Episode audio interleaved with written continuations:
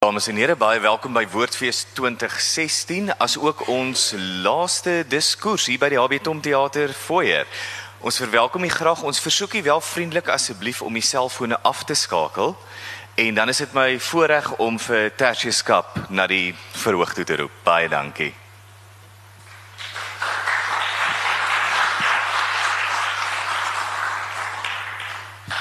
Uh baie dankie Skalk.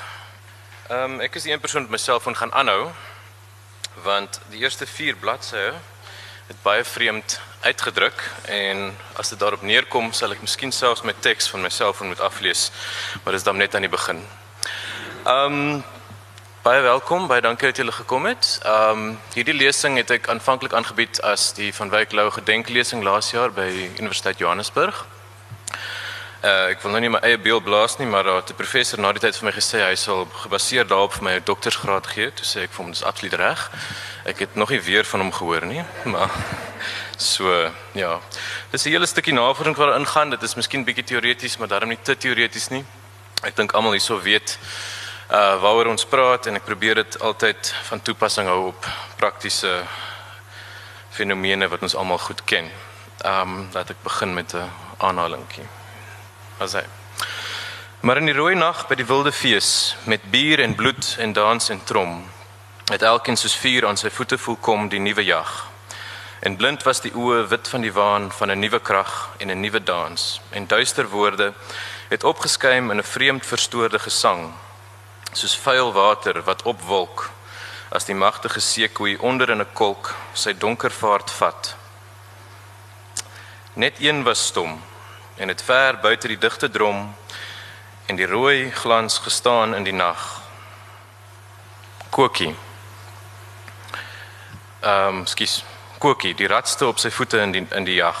Die slank speler met die spies, hy wat 'n jong bul op sy skuinskouers vat, wegdra soos 'n hond. Hy het nie gesing aan die swart lied wat uit die kring in die rook en stof gestyg het, maar gedink aan die ou en helder verdriet wat klink in die vroeër eilerliedere en vermoed dat daar veel kwaad in aantog deur die bloed van sy besete mense was. Dit kom uit Raka geskryf in 1948 deur NP van Wyk Lou en dit is die oorsprong van die titel van hierdie lesing. Die onderskrif van Wyk Lou en uh, Afrikaanse kunstefeeste en van Wyk Lou se kultuurkritiek wil aandui dat ek nie vandag beoog om die kunstefeeste te meet aan van Wyk Lou se kultuurkritiek nie. My bedoeling is eerder om 'n soort gesprek te fasiliteer tussen aan die een kant van Wyk Lou se omvattende stel idees wat gedien het as sowel 'n roer as 'n weerspieëling van Afrikaner denke sedert die 1930s en aan die ander kant 'n ontleikende grootliks ongeformuleerde kultuurfenomeen wat oor die afgelope 20 jaar die grootste platform vir die Afrikaanse kultuur geword het. Dis nie 'n boksgeveg tussen die twee nie. En ek is goed bewus daarvan dat wat ek hier doen is om 'n hipotetiese van Wyk Lou op te stel en om te vra om kommentaar te lewer op hedendaagse verskynsels. Tog glo ek dat hy as aanhanger van die sogenaamde ewige en onveranderlike dalk nie te veel protes sou aangeteken het nie. Die oordeel laat ek aan julle oor. Die geskiedenis van die Afrikaanse feeskultuur kan op verskillende wyse aangebied word. Ek sou kon in die voorgeskiedenis van nagmaal en boeresport kon krap Ek sou kon kyk na die bedeesde protestantse karnaval van die Kerkbazaar, die tweede nuwejaar van Kaapse slawe, klopse feeste, oesfeeste, persfeeste, transfeeste, bruilofsfeeste en natuurlik volksfeeste. By 1938 se eeufeesviering trek byna 'n derde van die hele wit Afrikaanse bevolking saam by die Voortrekker Monument. Ek sou verder kon argumenteer dat al hierdie soort feesvorms vandag nog op wyses verteenwoordig is in die moderne Afrikaanse kunstefees as jy weet waarom daarna te soek. Maar ek dink dit is waarskynlik meer sinvol om te fokus op die hede en die meer onlangse verlede. Die vraag wat is 'n Afrikaanse kunstefees is nie so eenvoudig om te antwoord nie. As 'n mens skoue, markte, expos, kerkbazaars en so voorts by te rekening laat, is daar vandag ten minste 165, maar waarskynlik meer jaarlikse geleenthede op die kalender waar hoofsaaklik Afrikaanse kultuur in die breë sin aangebied word. Van Citrusdal se Worsfees tot Heidelberg se Varkfees, onderweg vind ons drie biltongfeeste in Windhoek, Somerset Oos en Parys, drie wildsfeeste, Kirkwood, Oudtshoorn en Tabazimbi en 'n reeks beesfeeste, bierfeeste, kuierfeeste en oesfeeste. Sedert 2014 is daar ook 'n fees ter see, die Op die Waterfees wat uh, per skip vertrek. Verder nog is daar die Afrikaanse Kultuurfees Amsterdam wat vanjaar die derde keer gevier word. Uh, en die name van die oorgrootste meerderheid van hierdie feeste dui reeds aan wat hul aanbod is. Die meeste kan of geëet of gedrink word en die res baie in die gemoedelike romantiek van die plaas. Hierdie feeste is volgens my van minder belang vir die kultuurkritiek of ten minste die genuanceerde kultuurkritiek. Die sterkste onderskeidende kenmerk vir 'n fees om homself 'n kultuurfees te noem of 'n kunstefees te noem, is sy teateraanbod. Julle sal sien ek moes hierdie skuifie onlangs verander. Daar het in teaterkringe die konsep van die sogenaamde groot 6 ontstaan. Ons is nog nie seker of dit nou die groot 5 gaan wees nie. Ehm um, ons sal nog sien wat met aardklop gebeur. Ehm um, hierdie feeste word dan gesien as die grootste rolspelers in die hedendaagse Afrikaanse teater en infrastruktuur. Die Klein Karoo Nasionale Kunstefees of die KAKNK, die Suidoosterfees, die Vrystaat Kunstefees in die Bos en die Woordfees definieer homself as kunstefeeste en bied dus meer ernstige kuns, veral teater, uitdagende visuele kuns, literêre geleenthede en ook diskoersreekse aan. By ander feeste bestaan die kultuuraanbod hoofsaaklik tog nie uitsluitlik nie uit populêre musiek en miskien enkele veilige toneelstukke. Daar is 'n aantal uitsonderings op my grove veralgemening. Amsterdam se festival vir dit Afrikaans of Af Afrikaanse Kultuurfees Amsterdam het 'n sterk literêre aanbod. Windhoek Windhoek bied ook teater aan, maar befonds nie juist die ontwikkeling daarvan nie en moet mens ook sê vergeleke met die ander het in die bos te dusver ten spyte van 'n sterk teateraanbod minder bygedra tot die ontwikkeling van nuwe werk. 'n Mens kan nie voorgee dat die biertent en die populêre musiekverhoog nie by die groot 5 ook belangrik is nie. Dit is algemeen bekend dat die inkomste wat hier verwerf word, nie net deur deurgelde nie, maar ook deur borgskappe wat op hul beurt afhang van bywoningsstatistieke, dikwels die las dra vir nie winsgewende teaterproduksies. So word die soorte hoë kuns wat nie op hul eie bene kan staan nie, ook moontlik gemaak. Die feit dat dit juist teater is wat aan die hoofmas van die hoë kultuuraanbod by hierdie feeste hang, is onder andere 'n gevolg van die ontstaansrede vir die feeste. Die verhaal is aan meeste van u bekend. Uh in die vroeë 1990s word streeksrade soos Kruik en Truk ontbind op die inisiatief van Nick Barrow en Andrew Murray word die KAKNK in 1995 uh op die been gebring. Binne die eerste paar jaar groei die fees eksponensieel onder Karen Meyering se bekwame leiding en ander feeste word gestig op dieselfde model. Aardklop in 1998, die Woordfees in die jaar 2000, Bloemfontein in 2001. Reeds op 'n vroeë stadium word daar egter beskuldigings gemaak teenoor hierdie feeskultuur. Cultural nesting word daar gesê. Hier skep Afrikaners die dorpies waar hulle eintlik wou woon as gesimuleerde monokulturele nessies of in goeie Afrikaans by monde van Pieter Dirk Uys, hulle sê ons trek laer, maar laer is dit kan ons nie. Daar loop dus weer hier, hier weer enerzijds die risiko om as uitsluitingsmeganisme te dien terwyl in die aard van die feeskultuur juis volop oopsluitingsmoontlikhede lê. Nou vra ek myself af waar sou NP van Wyk Lou homself tuis voel by so 'n moderne Afrikaanse kunstefees? Miskien by die publikasie waar soveel van sy rubrieke verskyn het in die huisgenoot tent of miskien sou hy lafenis vind by die boekeoase. 'n Bietjie polemiek dalk by die diskoersreekse. Ek wonder wat hy sou sê van ons toneelwerk.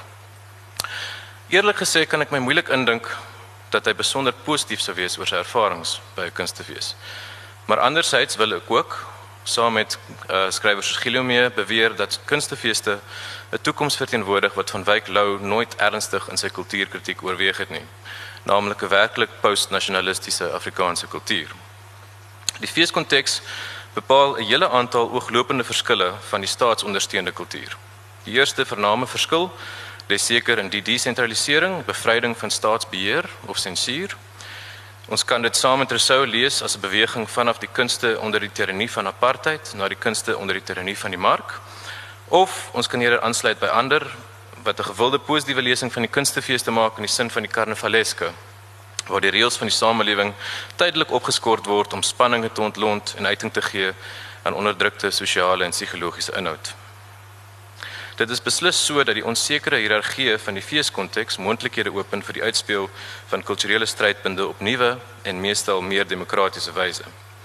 Maar tussen hierdie twee alternatiewe is die praktiese realiteit dat die kunstefeesmodel moontlike bied moontlikhede bied vir die volhoubaarheid van aktiewe Afrikaanse teaterbedryf. So aktief om die waarheid te sê dat daar in die jaar 2013 126 nuwe produksies geskep is, meer as ooit onder die streeksrade. Ons moet terselfdertyd toegee dat baie van hierdie produksies met minimale begrotings en voor klein gehore gespeel het. Maar dit blyk duidelik dat ons nie hier te maak het met die stabiele en vasgestelde ontwikkeling wat van Wyk Lou in meeste van sy kultuurkritiek verbeel het nie. En tog vind ons reeds in loyale verset die bykans uncanny voorspelling dat die dag sal kom dat daar 'n net van Afrikaanse kultuurorganisasies oor ons land uitgestrek lê waarin elke Afrikaner van die geringste tot die hoogste betrokke sal wees wat waarskynlik sterk sentraal saamgesnoer sal wees en soos 'n piramide sal oploop tot sy spits en waarin alle belange van die Afrikaner as 'n aparte groep verteenwoordig sal wees. Dit is 'n toekomstige ontwikkeling wat los staan van alle politieke oorwegings en wat alleen deur die volk se wil om te bestaan bepaal sal word. Baie interessante aanhaling, ons kan oor baie aspekte daarvan spekuleer, byvoorbeeld waar presies lê hierdie piramide op die oomblik as daar een sou wees. Die gebruik natuurlik tipies in uh, van Wyklou se werk van die woord volk wat vir my vandag bietjie eng is, maar dit is wel 'n interessante voorspelling wat hy maak. Die volgende paragraaf haal ek ook aan as motivering vir hierdie lesing. Dis hy. Maar omdat hierdie nuwe ontwikkeling so groot vir ons en vir ons volk so van die uiterste belang is, moet ons dit noukeurig en skerp krities volg. En enige gevaar wat daarin steek, betyds erken om ons kultuurorganisasies se ontwikkeling gedurig krities te toets is net soseer 'n volksaak as om hulle aan te moedig. Van Wyk Lou se kritikus moet tussen die mense ingaan en saamspeel in hul spel, maar sy eensaamheid bewaar soos 'n gat waarin hy telkens kan terugkruip met sy buit van nuwe kennis van die mens. Hy staan soos 'n man in die tyd van oproer met die geweer agter sy eie deur.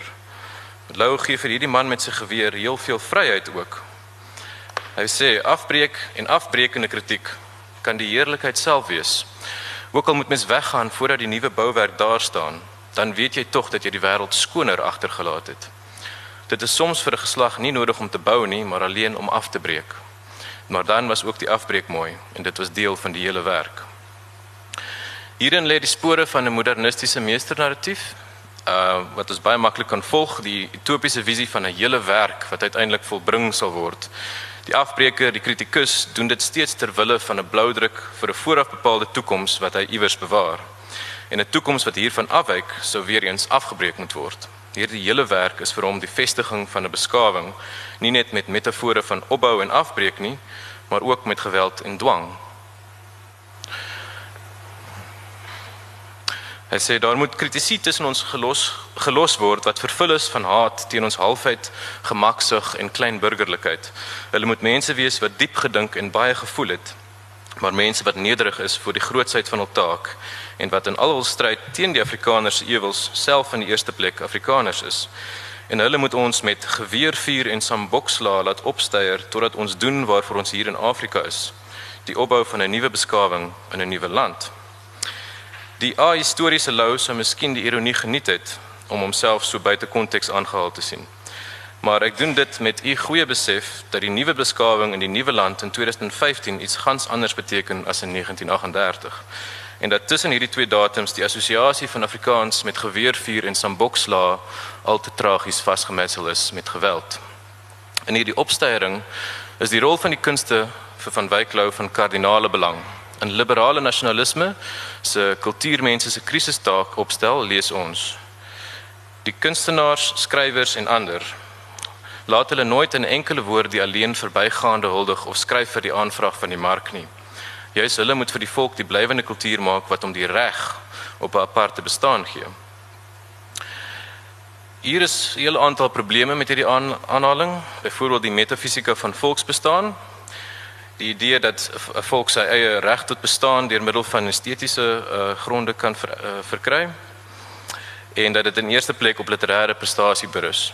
Daarteenoor is daar 'n afkeer van die tydelike, van die vervlietende wat ook een van die hoofkenmerke van die teatermedium is.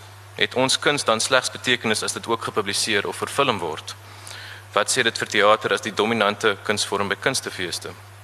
Die medium van teater skryf Brook is vlees en bloed. Dit is 'n kunsvorm in die sneeu gekerf, sê Seeger. Die wese van teater is 'n unieke energie tussen akteurs, teks en die gehoor, sodat elke vertoning, elke vertolking, elke aand 'n ervaring is wat nie herhaal moet of kan word nie. Van Wyk Lou aan die ander kant is veral in sy vroeë werk en meeste van sy kultuurkritiek die kunstenaar van die ewigheid, van kunswerk as fondament van en monument tot die rykheid van die volk. Ons word telkens herinner aan hierdie ewigheidsbeeld deur sy affiniteit vir Plato se bekende allegorie van die grot. Uh die meeste van u ken dit waarskynlik goed. Die idee is dat die mens uitgebeeld word as 'n uh, gevangene in 'n grot waar hy teen die rotswand voor hom slegs die skaduwees kan sien soos 'n poppespel wat agter hom afspeel.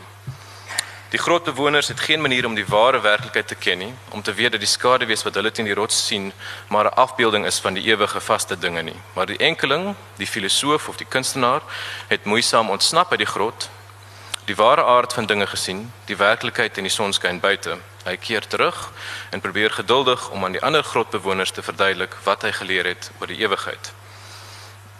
In Lose denke met 'n sterk stroosel Nietzsche daarbey, is dit die groot mens wat van 'n ander ryk afkom wat die waarheid van die ewige wêreld ken en gevolglik die wêreld probeer verbeter met sy hoëre kennis. Ons ken die groot mens in verskeie liggame reeds. Anthropos, die demiurg, Adam Kadmon, Jesus Christus, Zarathustra. In die tradisionele metaforiek van die Afrikaner, ook die fakkeldraer wat lig bring na die massa mens. Waar laat dit die teatermaker as 'n kunstenaar van die vervlietende? Dalk word hy niks meer as 'n skaduspeler vir die gevangenes in die grot nie. 'n Medepligtige aan hierdie illusie van die massa mens. Selfs die oorsprong van teater is gekenmerk deur vervlietendheid. Die rituele rondom die seisonale vloeding van die Nyl, later die Dionisiese vrugbaarheidsrituele in antieke Griekeland kon 'n hele gemeenskap tot katarsis bring.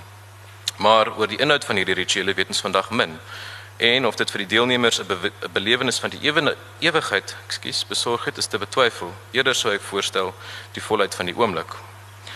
Vir van Wyk Lou word die nuwe beskawing nie geskep met momente of katarsis nie. Daar word gesoek na vasthede, onbeweegbare fondamente en boustene wat hoër en hoër verrys. Daar word opgesteier, 'n beskawing word opgebou. Ons almal ken die kouer, hoër paaie van die halwe kring of ons dink maar terug aan die sentrale piramide van sy voorbeeld Met ander woorde vir van Wyk Lou is op goed. Hoe hoër, hoe beter. Selfs Kokkie se poel lê hoog in die rande, ver bo die klam vertroude bosse waar die stam homself bevind. Die gebruik van die konseptuele metafoor op is goed is geen verrassing nie. Dit kom in bykans elke taal in die wêreld voor. In vele kulturele en kulture manifesteer hierdie metafoor egter op 'n meer spesifieke wyse as die heilige berg Die Grieke het Olympus, Moses gaan haal op Sinai die 10 gebooie, Karmel, die Olyfberg en Tempelberg. Daar is vele voorbeelde.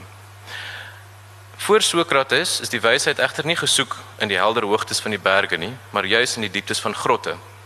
Ingelyfdes wat in hierdie heilige ruimtes oornag het, sou deur droommeditasie na die ryk van die dooies reis met die hoop om 'n heilige te ontmoet en wat as 'n vriend en 'n mentor kon optree. Die grot was dus 'n ruimte van genesing, nuwe insigte en 'n potensiële oorbrugging van werklikhede. Maar Plato se allegorie maak van die grot 'n gevangenis van onkunde. Selfs in Afrikaans grot spreek die mooi woord nog baie mooi die walging uit wat ons daarvoor voel. Grot is egter afkomstig van die Italiaanse grotta, 'n korrupsie van die Latynse crypta op sy beurt van die Griekse krypte wat 'n versteekte plek beteken. In Afrikaans sien ons weer die netjies die etimologiese verbintenis tussen die grot en die groteske. Die groteske is dan 'n estetika wat ons vandag goed ken. Ons ken dit baie goed uit hoofstroom kultuur, films, monsterkarakters, wetenskapsfiksie films, monsterverhale en so meer. Maar op 'n filosofiese vlak is die groteske iets anders. Dit is eerder vir die rasionele wêreldbeeld 'n dreigende teenwoordigheid. Dit word verbind met die monster, met die onbekende en dikwels ook met die onderdrukte inhoud van die onderbewuste. Die grot en die groteske het in die pre-Sokratiese wêreldbeeld eerder die potensiaal verteenwoordig om 'n nuwe en transformerende werklikheid te ontdek, om gebeure, voorwerpe en ordes van binne te herrangskik en herkombineer, selfs om genesing te vind of in tye van krisis 'n nuwe orde te verbeel. Benewens die grillige en gedrogtelike is die groteske juis ook die bymekaar sit van dinge wat nie voorheen gekombineer is nie. Die mens en die natuur word in een skildery gekombineer of in een liggaam. In die 20ste eeu het 'n aantal denkers die groteske begin herwin. Freud en ander se werk in die diepte psigologie en die groteske inhoud wat daarin versteek lê. Hierdeur word ook Odeus rondom die karnavaleske herwin deur Bakhtin en die wat in sy spore trap. In die populêre verbeelding herstel dit 'n mate van waardigheid vir byvoorbeeld heidense vrugbaarheidsrituele. Die konsep van die karnavaleske as 'n bevryer van die groteske kry 'n positiewe kleur, as 'n vrylating van spanning, sosiaal en psigies, as 'n aftakeling van gestolde identiteite, as hernuwing en herlewing. Vir die sekulêre gemeenskap word die groteske die enigste hoop op transcendensie. Kom ons gaan terug na teater. In Suid-Afrika word die karnavaleske, die rituele potensiaal van die kunstefeeste, eers rondom die eeuwending ontgin. Reza de Wet se Vrystaat trilogie, veral diepe grond, ook Mis, Mirakel en Drif, uh doen dit eerste, maar in 1998 is dit Breitenberg en Beson se Boklied wat met bloedritueel, moord en dreunsang die groteske solied in die kalklig plaas. Boklied word beskryf as 'n ritueel anarchistiese kabaret wat die derms uitdruk van 'n Suid-Afrika wat op daardie stadium nog sidderend die onthullings van die Waarheids- en Versoeningskommissie aanverteer was. Die toneelstuk voldoen aan al die vereistes van 'n eie tydse ritueel. Breitenberg boet dramatiese hegtheid in ter wille van herhaalde, inkanterende dialoog wat die ritualistiese dimensie van die toneelstuk verskerp en die reeks simboliese handelinge het 'n transformerende funksie vir die deelnemers. Vir sommige gaan die transformasie dalk 'n bietjie te ver. By elke vertoning storm 'n handjievol gehoorlede uit, soms meer as 'n handjievol. Ehm um, vermoedelik om lafenis te gaan soek buite onder 'n weermagtent waar die braaivleisvuur hoog brand. Maar dit is belangrik om op te let dat die gehoorlede nie die saal verlaat het as gevolg van die gehalte van die teateraanbod nie, maar later sou dit blyk dat die redes eerder was naaktheid, seks, kritaal eerder as die inhoud van wat gesê word op die verhoog.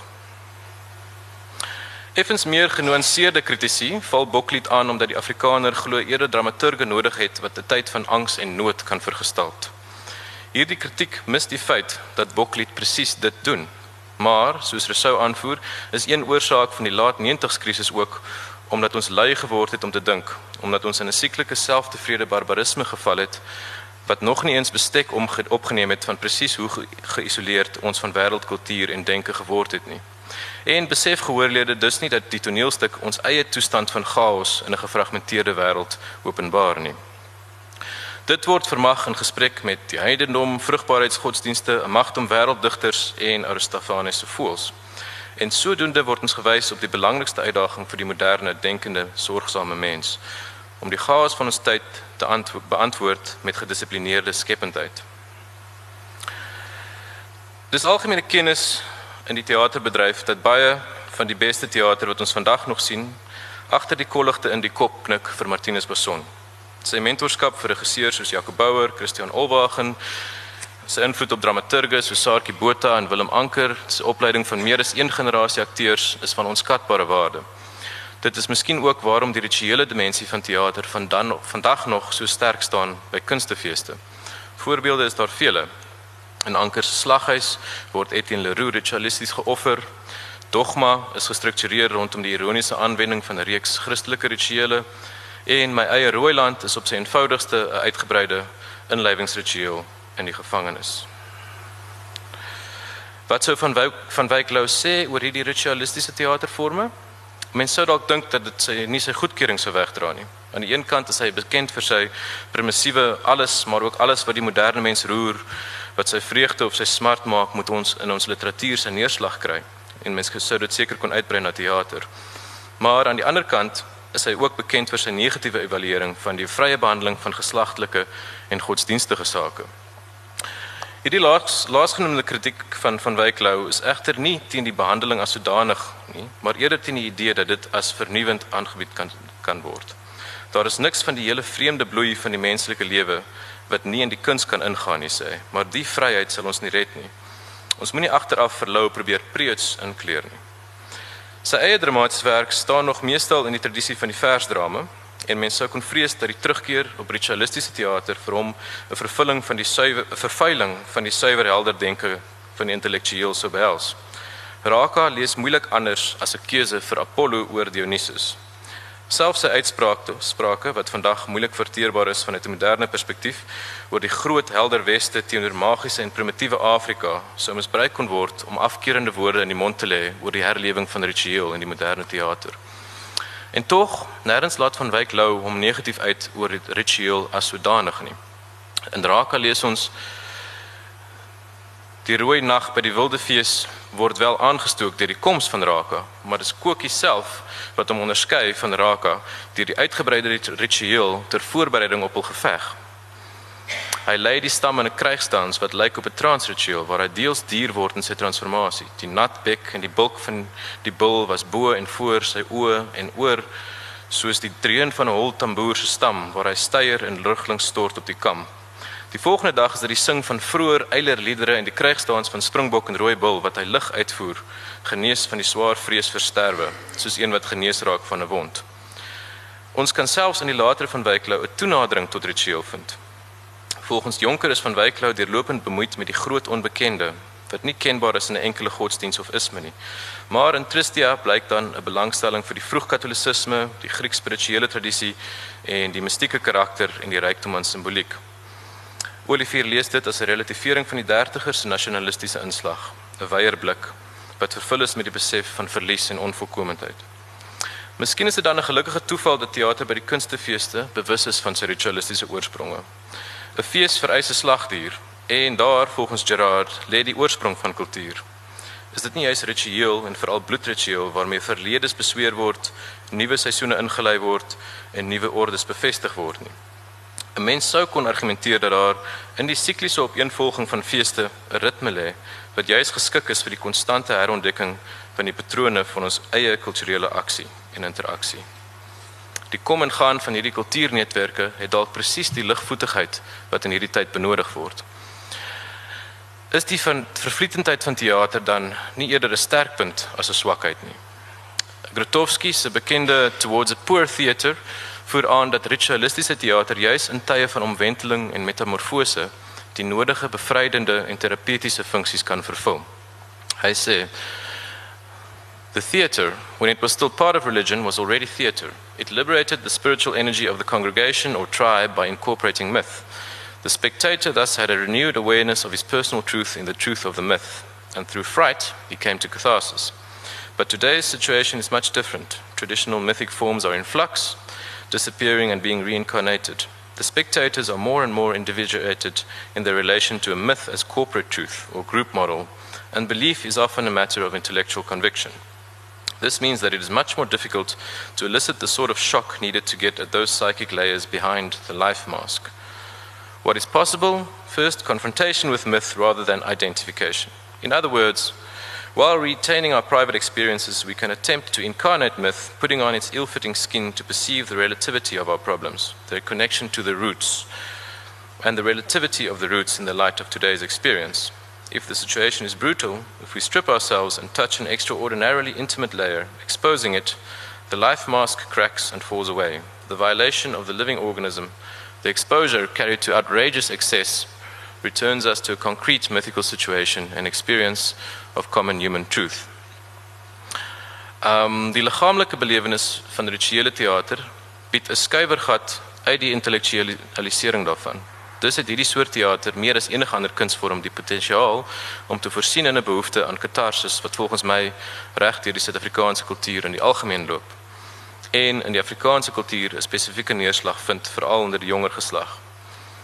Daar is ander simptome van hierdie behoefte, na my mening, byvoorbeeld die oorvloed verwysings na die apokaliptiese, die post-apokaliptiese en die jonger Afrikaanse kus, kuns en eweneens aan die ligterkant die magdom ontsnappingsfantasieë in die populêre kultuur. So behoefte word egter nie bevredig met 'n enkele toneelstuk nie, maar eerder met 'n reeks gedeelde simboliese handelinge oor seisoene, oor jare, miskien oor geslagte heen. As ons dan vra hoe van Wyklou die fees buite die teater sou beoordeel, En lyk dit vir my asof hy dalk minder positief sou wees. Lou is veral nie die alleman wat plesier neem uit die samestein met andersdenkendes nie. Hy skryf oor die besondere ingesteldheid en waardes van die massa mens. Sy persoonlikheidsideaal is die lekker kerel, die allemans vriend, die egte demokraat, die man wat nooit anders as die res is nie. Bo alles vrees en haat uit die afsydigheid en trots wat grense tussen mens en mens in stand hou. Hierdie soort beskrywing lyk ongelukkig besonder akkuraat vir die populistiese sy van enige kunstefees. Soos ons kan verwag, bepleit Lou die wedergeboorte van 'n aristokratiese ideaal, mense wat hulle streng aan die taak van die kultuur opbou wy en afsien van tydelike sukses. Ehm um, wat ek tot dusver gedoen het was om Lou se kultuurkritiek wat in 'n baie ander se era geskryf is, min of meer as beginsels aan te wend en te toets op die huidige opset. Om werklik die traject van sy denke tot in die hede te probeer projekteer, is 'n taak waarvoor ek miskien nie opgewasse is nie. Lou se voorliefde vir ewige waarhede en onveranderlike beginsels lyk moeilik vol te hou in die postnasionalistiese fase van die Afrikaanse kultuur, waar die klem juis nie op die ontdekking van onderliggende heilige waarhede is nie. Inteendeel, in vandag se konteks word die patrone van die alledaagse eerder 'n veranderlike kode waaruit ten beste met moeite en begrip vir die ander tydelike maatreëls afgelei kan word. Die ontoereikendheid van taal het hier en nou minder te maak met die linguistic turn as met praktiese vertaalprobleme. In hierdie konteks word statiese waarhede absurd. Hybriditeit, hybriditeit en die liminale is sleutelwoorde wat van ons konstant die wêreld. Van Wyk Lou identifiseer graag bedreigings vir sy volk. Om sy kultuurkritiek relevant tot vandag te maak, sou ek graag die verouderde term vervang met Afrikaanse kultuur. En tog is daar baie wit Afrikaners wie se konsep van hul groepsidentiteit steeds versoenbaar is met die idee van die volk. Van Wyk Lou se volk is volgens hom 'n slaapwandelaar wat langs gevaarlike kraanse en skeure gaan en op elke draai kan hy afstort en vernietig word maar hy weet nie van die gevare nie en dit is alleen wanneer die spoor agterna gesien word dat mens gewaar hoe hy tussen die afgronde deurgevleg het. Ironies genoeg is die wat steeds dink aan homself as volk vir hom die wat die diepste slaap. Van Wyk lou onderverdeel situasies wat as krisisse beskou kan word en hy gebruik dan die gelaaide militêre metafoor van drie fronte. Hy sê op die eerste front is daar die gevaar van eksterne faktore die kwesbare posisie sê hy van 'n volkie wat tussen die 200 miljoen swartes van Afrika en die Engelse miljoene ingedruk is. As ons so 'n stelling probeer aanpas na die moderne konteks, merk ons eersins op dat hierdie getalle vandag eerder in biljoene gemeet sou moet word. Tweedens is die idee dat 'n volkie ingedruk is 'n reuse oorvereenvoudiging wat al die kompleksiteite van die interaksie tussen hierdie groepe ignoreer. As dit spesifiek gaan oor die kunstefeeste byvoorbeeld, is dit 'n feit dat hulle buite die Afrikaanse teaterbedryf met 'n mengsel van jaloesie en afgryse beskou word. Afgryse vir die te algemene voorkoms van rasisme en platvloerse vermaak, maar jaloesie op die reeks platforms wat bestaan vir Afrikaanse teater en veral op die uitdagende werk wat op hierdie uh, platforms geskep word. So skryf een Engelse joernalis onlangs na afloop van die KAK&K, Afrikaans theater is not for sissies. Dit is cutting edge, sê sy. Soos teater wat by die kunstefeeste geskep is, ook vir hoë in stede begin voel, word dit blootgestel aan 'n breër gehoor en die reaksie is altyd dikwels besonder positief. Onlangs skryf die bekende intellektueel Njabulo Ndebele oor Samsa Machine by die Baxter dat dit sy grootste teateravontuur nog was. Hy sê with Samsa Machine, Afrikaans gave of itself freely a lot more than any politician or tall monument ever could. It is a triumph of the imagination and a successful contemplation of an intensely human issue. Een arend is nie die einde van die winter nie, maar dit is belangrik om op te merk dat die gesindheid van buitestanders teenoor die werk wat by kunstefeeste gelewer word, nie noodwendig negatief is soos baie vandag aanneem nie. Hoe hierdie gesindheid ontwikkel sal baie te maak hê met die aanbod in die toekoms.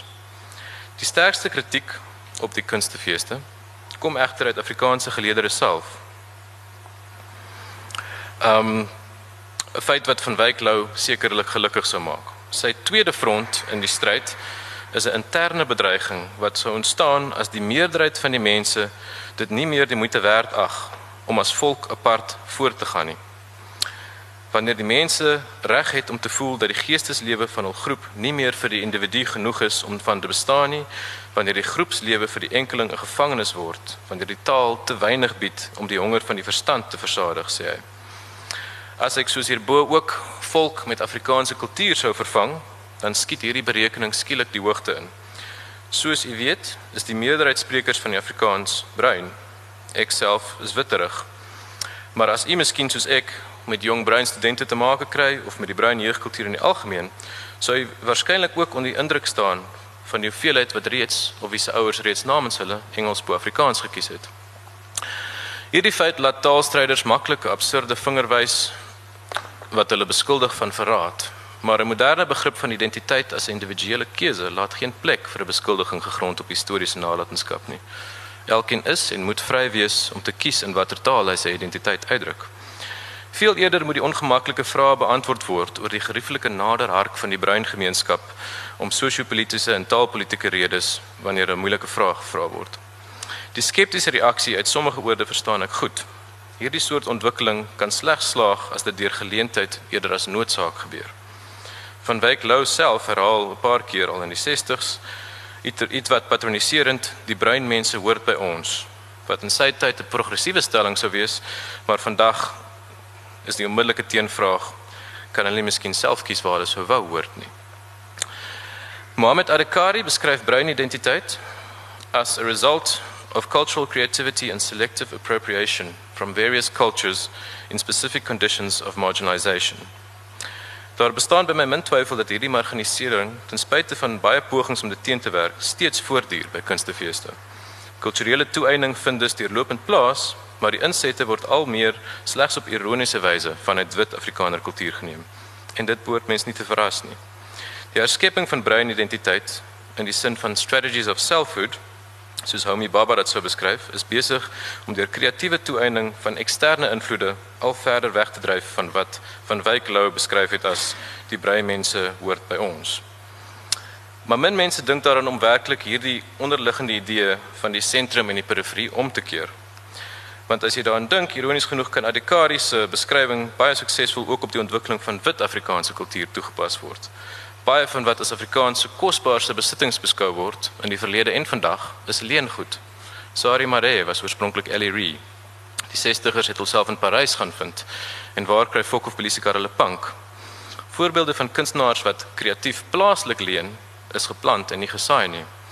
En die wat daar is, word dikwels ook nie geken in hulle eie land nie. Selfs David Kramer is vandag vir baie mense nog net 'n lekker kerel met rooi vellies. Van Wyk Lou benadruk self hierdie dimensie maar met my insiens minder aktief, effektief. Hy identifiseer vier strome waaruit die Afrikaner tradisie gevloei het. Eerstens, vir hom die gemeenskaplike Wes-Europese kultuur, tweedens die spesifiek Nederlandstalige kultuur via Afrikaans, derdens die Engelse deur 'n same saamwoon van 150 jaar of ons kan seker sê 200 jaar in hierdie land en vierdens van Afrika wat hy magies en primitief noem. Volgens hom ook die faktor wat deurslaggewend is om die Afrikaner tot individu te maak ek haal aan. Hy het sy taal laat verander en vorm deur hierdie land sodat dit tot elke vou kan pas sodat dit hierdie land die volledigste van al ons tale kan uitsê. Hy het in sy kontak met primitiewe mense 'n primitiewe of natuurlike siening van die wêreld ontvang waarna 'n Europese intellektueel vandag te vergeef strewe. Hy het selfs 'n klein stukkie geleer van wat die groot kuns is om saam te lewe met ander mense wat so baie van hom verskil. En ook hierin is hy meer as een slimmere iets voor As ons die tipies koloniale beskrywing van die primitiewe en magiese Afrika hierso afskryf as eie aan sy tyd, moet daar steeds vrae gevra word oor sy plasing van bruin Afrikaanse kultuur. Sluit hy dit dan onproblematies in by wit Afrikaanse kultuur? Waar is die vyfde stroom uit die Indiese Oseaan, uit Maleisië, Java, Indonesië, Sri Lanka? Word die Khoi stroom eenvoudig ingegooi by die magiese primitiewe Afrika? En op watter vergelykende basis kan gesê word dat Afrikaans hierdie land die volledigste van al ons tale kan uitsê? Hoeveel van Afrika se siening van die wêreld het Afrikaans werklik al geleer of probeer leer? Is wit Afrikaners gereed vir die ernstige kritiek van hul breintaalgenote? Vir haat teen ons halfheid gemaksig en klein burgerlik? Vir geweervuur en samboksla wat ons laat opsteiers totdat ons doen wat vir ons hier in Afrika is, die opbou van 'n nuwe beskawing in 'n nuwe land? Ek wonder en ek is bietjie skepties daaroor. Van Wyk Lou noem telkens dat Afrikaans sy bestaansreg op estetiese gronde kan verdedig deur die ontginning van taal om die fynste nuance van 'n openbaring van die lewe se rykdom voor te bring. Die genaar het ernstige en geldige probleme met hierdie beginsel. Mense sou dit ook kon lees nie as noodsaaklike nie, maar dalk voldoende voorwaarde en dan is daar miskien iets te rede daaraan. Nou, as Afrikaans belangstel om die soort werk voor te bring wat op hierdie wyse sy bestaan kan regverdig, lyk dit vir my onwaarskynlik dat dit deur 'n afgewaterde namaaksel van westerse kultuurforme kan gebeur. In sy prognose vir Afrikaans beskryf van Wyk Lou dit as 'n taal wat suig uit twee bronne, wat 'n brug vorm tussen die groot helder weste en die magiese Afrika. Die soms nog so onhelder Afrika sê hy. Hulle is albei groot magte en waar daar groots aan hul vereniging kan ontspruit, dit is miskien wat vir Afrikaans voor lê om te ontdek. Volgens my is dit ook die groot potensiaal wat vir Afrikaans voorlê om te ontdek.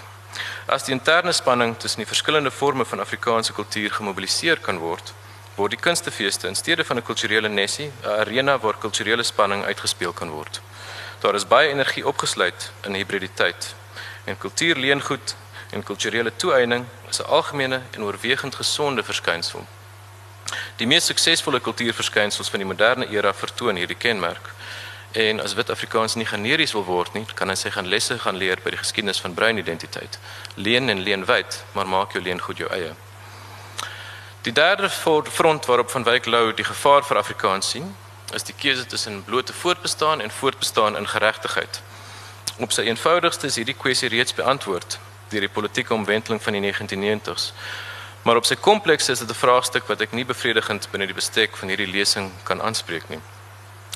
Laat ons vereenvoudig tot die vraag of Afrikaanse kunstefeeste ten koste van enigiemand plaasvind.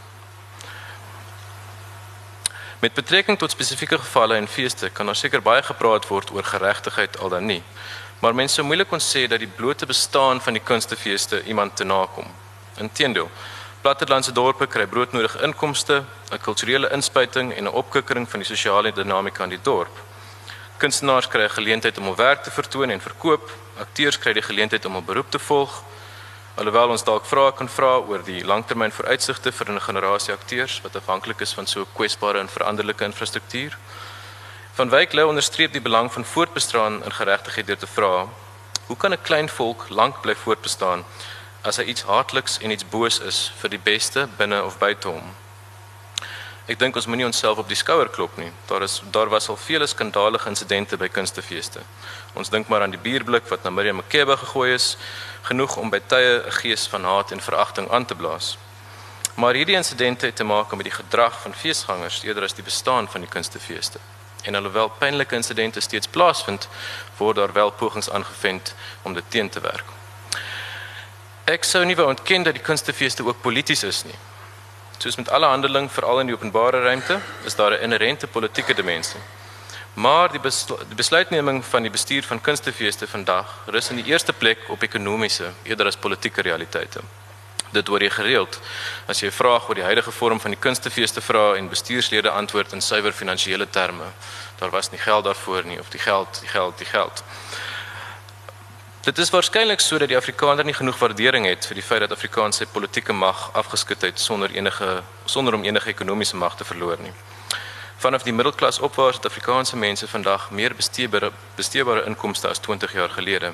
Bruin Afrikaanse mense maak gebruik van geleenthede wat voorheen geslote was en wit Afrikaners presteer dikwels danksy entrepreneursgees en 'n gunstige posisie in 'n nuwe liberale ekonomie. 'n Beeld wat ek moeilik sal vergeet is by 2004 se KAKNK hoe helikopters by die Absa bank land om nog kontant in te bring want al die geldmasjiene was al reeds leeg getrek op die eerste naweek. Die gelyktydige afname in politieke mag en toename in ekonomiese mag het tot gevolg dat die Afrikaner vandag sy politieke, sosiale en kulturele wil in rand en sentwaarde uitdruk. Dit is veral duidelik in die boikot verskynsel wat weer deesdae as 'n toets vir kunstefeeste dien. Die boikot verskynsel behels gewoonlik dat konservatiewe Afrikaners hul politieke en kulturele voorkeure probeer afdwing deur dreigemente om die platform, fees of publikasie of TV-kanaal waarop die kunswerk of menings wat hulle aanstoot gee, te boikot. Die boodskap is duidelik. Afrikaanse kultuur wil ons hê solank ons hom kan vorm na ons wil. Aan die ander kant is boikotte 'n verifieerbare toets vir die voortbestaan en geregtigheid beginsel. As dit so is dat die mark kan aandring op rassistiese kunstenaars, dan is voortbestaan en geregtigheid nie moontlik nie. Boikotte kan 'n wesenlike probleem wees vir kunstefeeste vandag, maar dit is ook so dat boikotte soms 'n teenoorgestelde effek het. Uit eie ervaring het ek in 2004 'n toneelstuk aangebied genaamd De Familie Wagenaar. En deel van ons bemarkingsveld tog of eintlik die enigste aspek van ons bemarkingsveld tog was 'n baie kwaai verwoorde brief wat ons aan die burger geskryf het uh ene Helanza van Vieren het uitgevaar teen die dekadensie van kunstenaars, die verval van die jeug, die obsessie met seks en alles wat vuil is, die gehalte van koeksusters in die moderne era en vlermuise. Helanza het 'n boikot uitgeroep teen ons. Die res van die week was ons uitverkoop. Maar met hierdie soort oorwegings is ons nou in 'n ander terrein. Dit is nie Afrikaans in sy diepe reg soos van Wyk Lou dit gesien het nie. Natuurlik is daar oorwegings by kunstefeeste en vir meeste van die bestuur van kunstefeeste vir kunstenaars en ook vir meningsvormers gaan dit in die eerste plek om 'n liefde vir die saak. Eerder as finansiële gewin, maar vandag se kulturele omgewing is Afrikaans 'n kommoditeit wat goed verkoop. Min rolspelers in die Afrikaanse kunstebedryf sou dit ontken. Nou het ons ver geloop om hier te kom. Ons het begin by die koue, hoër pad van die Heilige Berg, ver is ons van Plato se grot, ver van die seisonale rituele van Dionysus. Dit is die ruimte van wat Sokrates sou genoem het die agora, die markplein met sy gewaande vryheid. Dis die terrein van onsigbare hande en spontane ordes, demokrasie, onderhandelde eerder as inherente waarde. 'n Siniese ontleding van hierdie situasie sou dan praat van agendas wat aan die kunste gedikteer word om die belange van groot besigheid en globale multinasjonale korporasies te dien. Dalk moet ons vandag eerder sê alles maar ook alles wat die moderne mens roer, wat sy vreugde of smart maak, moet goed verpak en op die markplein verkoop word. Maar ek moet sê my ervaring as kunstenaar by Afrikaanse uh, kunstefeeste weerspreek so siening. Ek het oor die afgelope dekade op reputasie ontwikkel as 'n dramaturg wat omstrede onderwerpe takel wat nie ligtelik omgaan met ongemaklike kwessies nie, maar ter spyte hiervan is ek nog nooit gesensor direk of indirek nie. Miskien sal jy sê ek gaan nie ver genoeg nie, ek speel te veilig. Ek dink ek speel gevaarlik genoeg na my smaak. Maar dit wil nie sê dat ek nie die uitloper fenomeen goed ken nie. Gereeld verlaat mense my gehoor. Dit wil ook nie sê dat daar nie wel forme van sensuur of selfsensuur plaasvind nie. Ek kan situasies noem waar dramaturge van uitmuntende toneelstukke vertel is dat dit daarom te ver gaan en dat hierdie toneelstuk dan nie vervaardig word nie. Maar hierdie soort insidente is nie die norm nie en is nie te algemeen in teater nie. Praatjies van 'n diktatuur van die markplein is volgens my oordrewe. Miskien moet ons maar soos van Wyk Lou bly wees dat die loon by ons kuns maar klein is, dan bly die makelaars daarvan af weg. 'n realiteit van die markplein wat nie ontken kan word nie, is kompetisie. As Afrikaans dan 'n kommoditeit is, hoe onderskei hy homself van ander kommoditeite? Hoe kompeteer hy? Wat is in kort sy handelsmerk?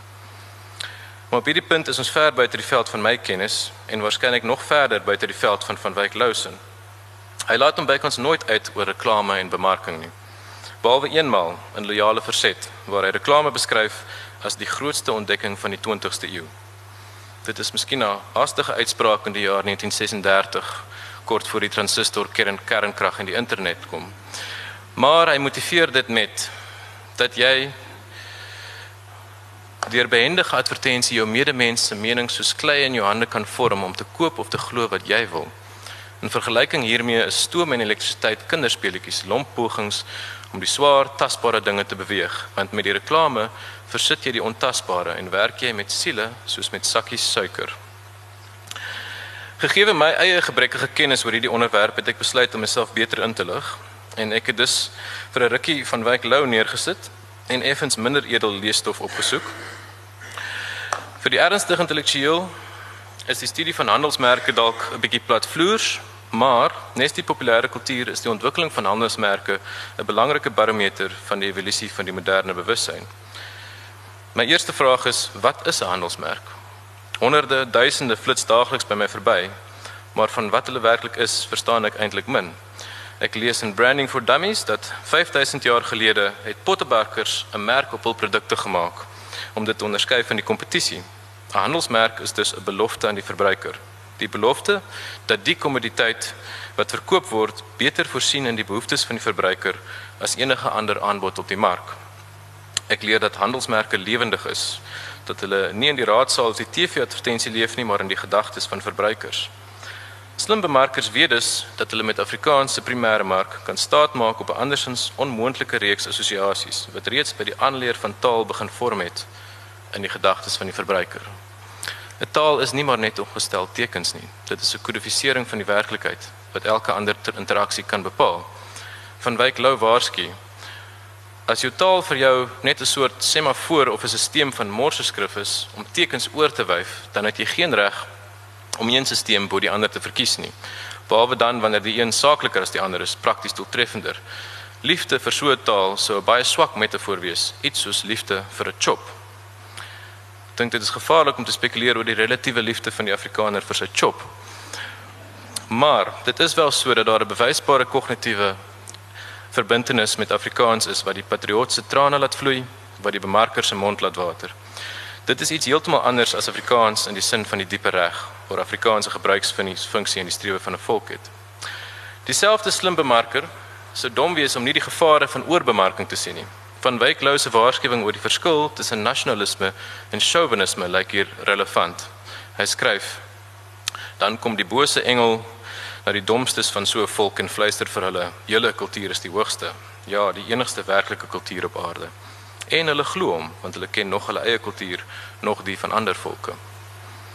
In die sentrum lê daar dus die bier en bloed van die Afrikaanse kultuur. Hier word miljoene gemaak, propagandistiese verlede word ontgin, hand op die bors. Trots Afrikaans, Afrikaans is groot. Deur 'n komplekse netwerk van kultuurorganisasies en mediamaatskappye voed hierdie populêre kultuur ook die hoër kuns wat implisiet dalk onwillig ook nog in diens staan van van Wyk Lou se ideaal van bestaansreg op estetiese gronde.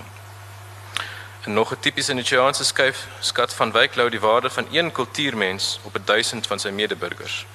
Hy sê vir Engeland is Shakespeare nog altyd 'n paar troepe divisies werd. Hy sê vir Finland tel Sibelius miljoene dollars. As dit so is dat die kunste dan die voorhoede van die nuwe fase van die Afrikaanse kultuur is, En as dit in die geval van kunstefeeste veral teater beteken, is dit miskien ook goed dat 'n vervlietende kunsvorm vir die taak gekies is. Kunt toneelstukke het meer vryheid om te eksperimenteer, om nuwe forme en inhoude te ontdek, wat dan miskien soos ek hierbo met betrekking tot Martinus Beson probeer wys het, sy egos vind in 'n volgende geslag of andersins is hulle doodsterf. In 'n eenvoudige sin bepaal die toneelstuk self sy lang lewendheid. Ek vra my af hoe van Wyk Lou hierdie rol sou beskryf Miskien sou hy in sy beeld van die ewige trek aan die kunstenaars die rol van verkenner toeken. Hy wat uitgaan, terugkeer met nuwe kennis van nuwe horisonne, die volk lei na 'n nuwe huil of 'n nuwe hawe. Dit sou seker 'n gawe beeld wees van die kunstenaar as gids vir die nomade. Maar so beeld sou ook 'n belangrike eienskap van die kunste ontken. Naamlik sy identiteitsomvormende potensiaal. Ek is nie steeds hy nie as van die kunste die moontlikheid ontneem word om nuwe identiteite, alliansies en toeënings te ontdek, dan kan die bestes onder hom waaroor van Wyk Lou dit het, maar die tuig neerlê. 'n Meer gepaste metafoor vir die rol van die kunstenaar kan dalk by die evolusie leer geleen word.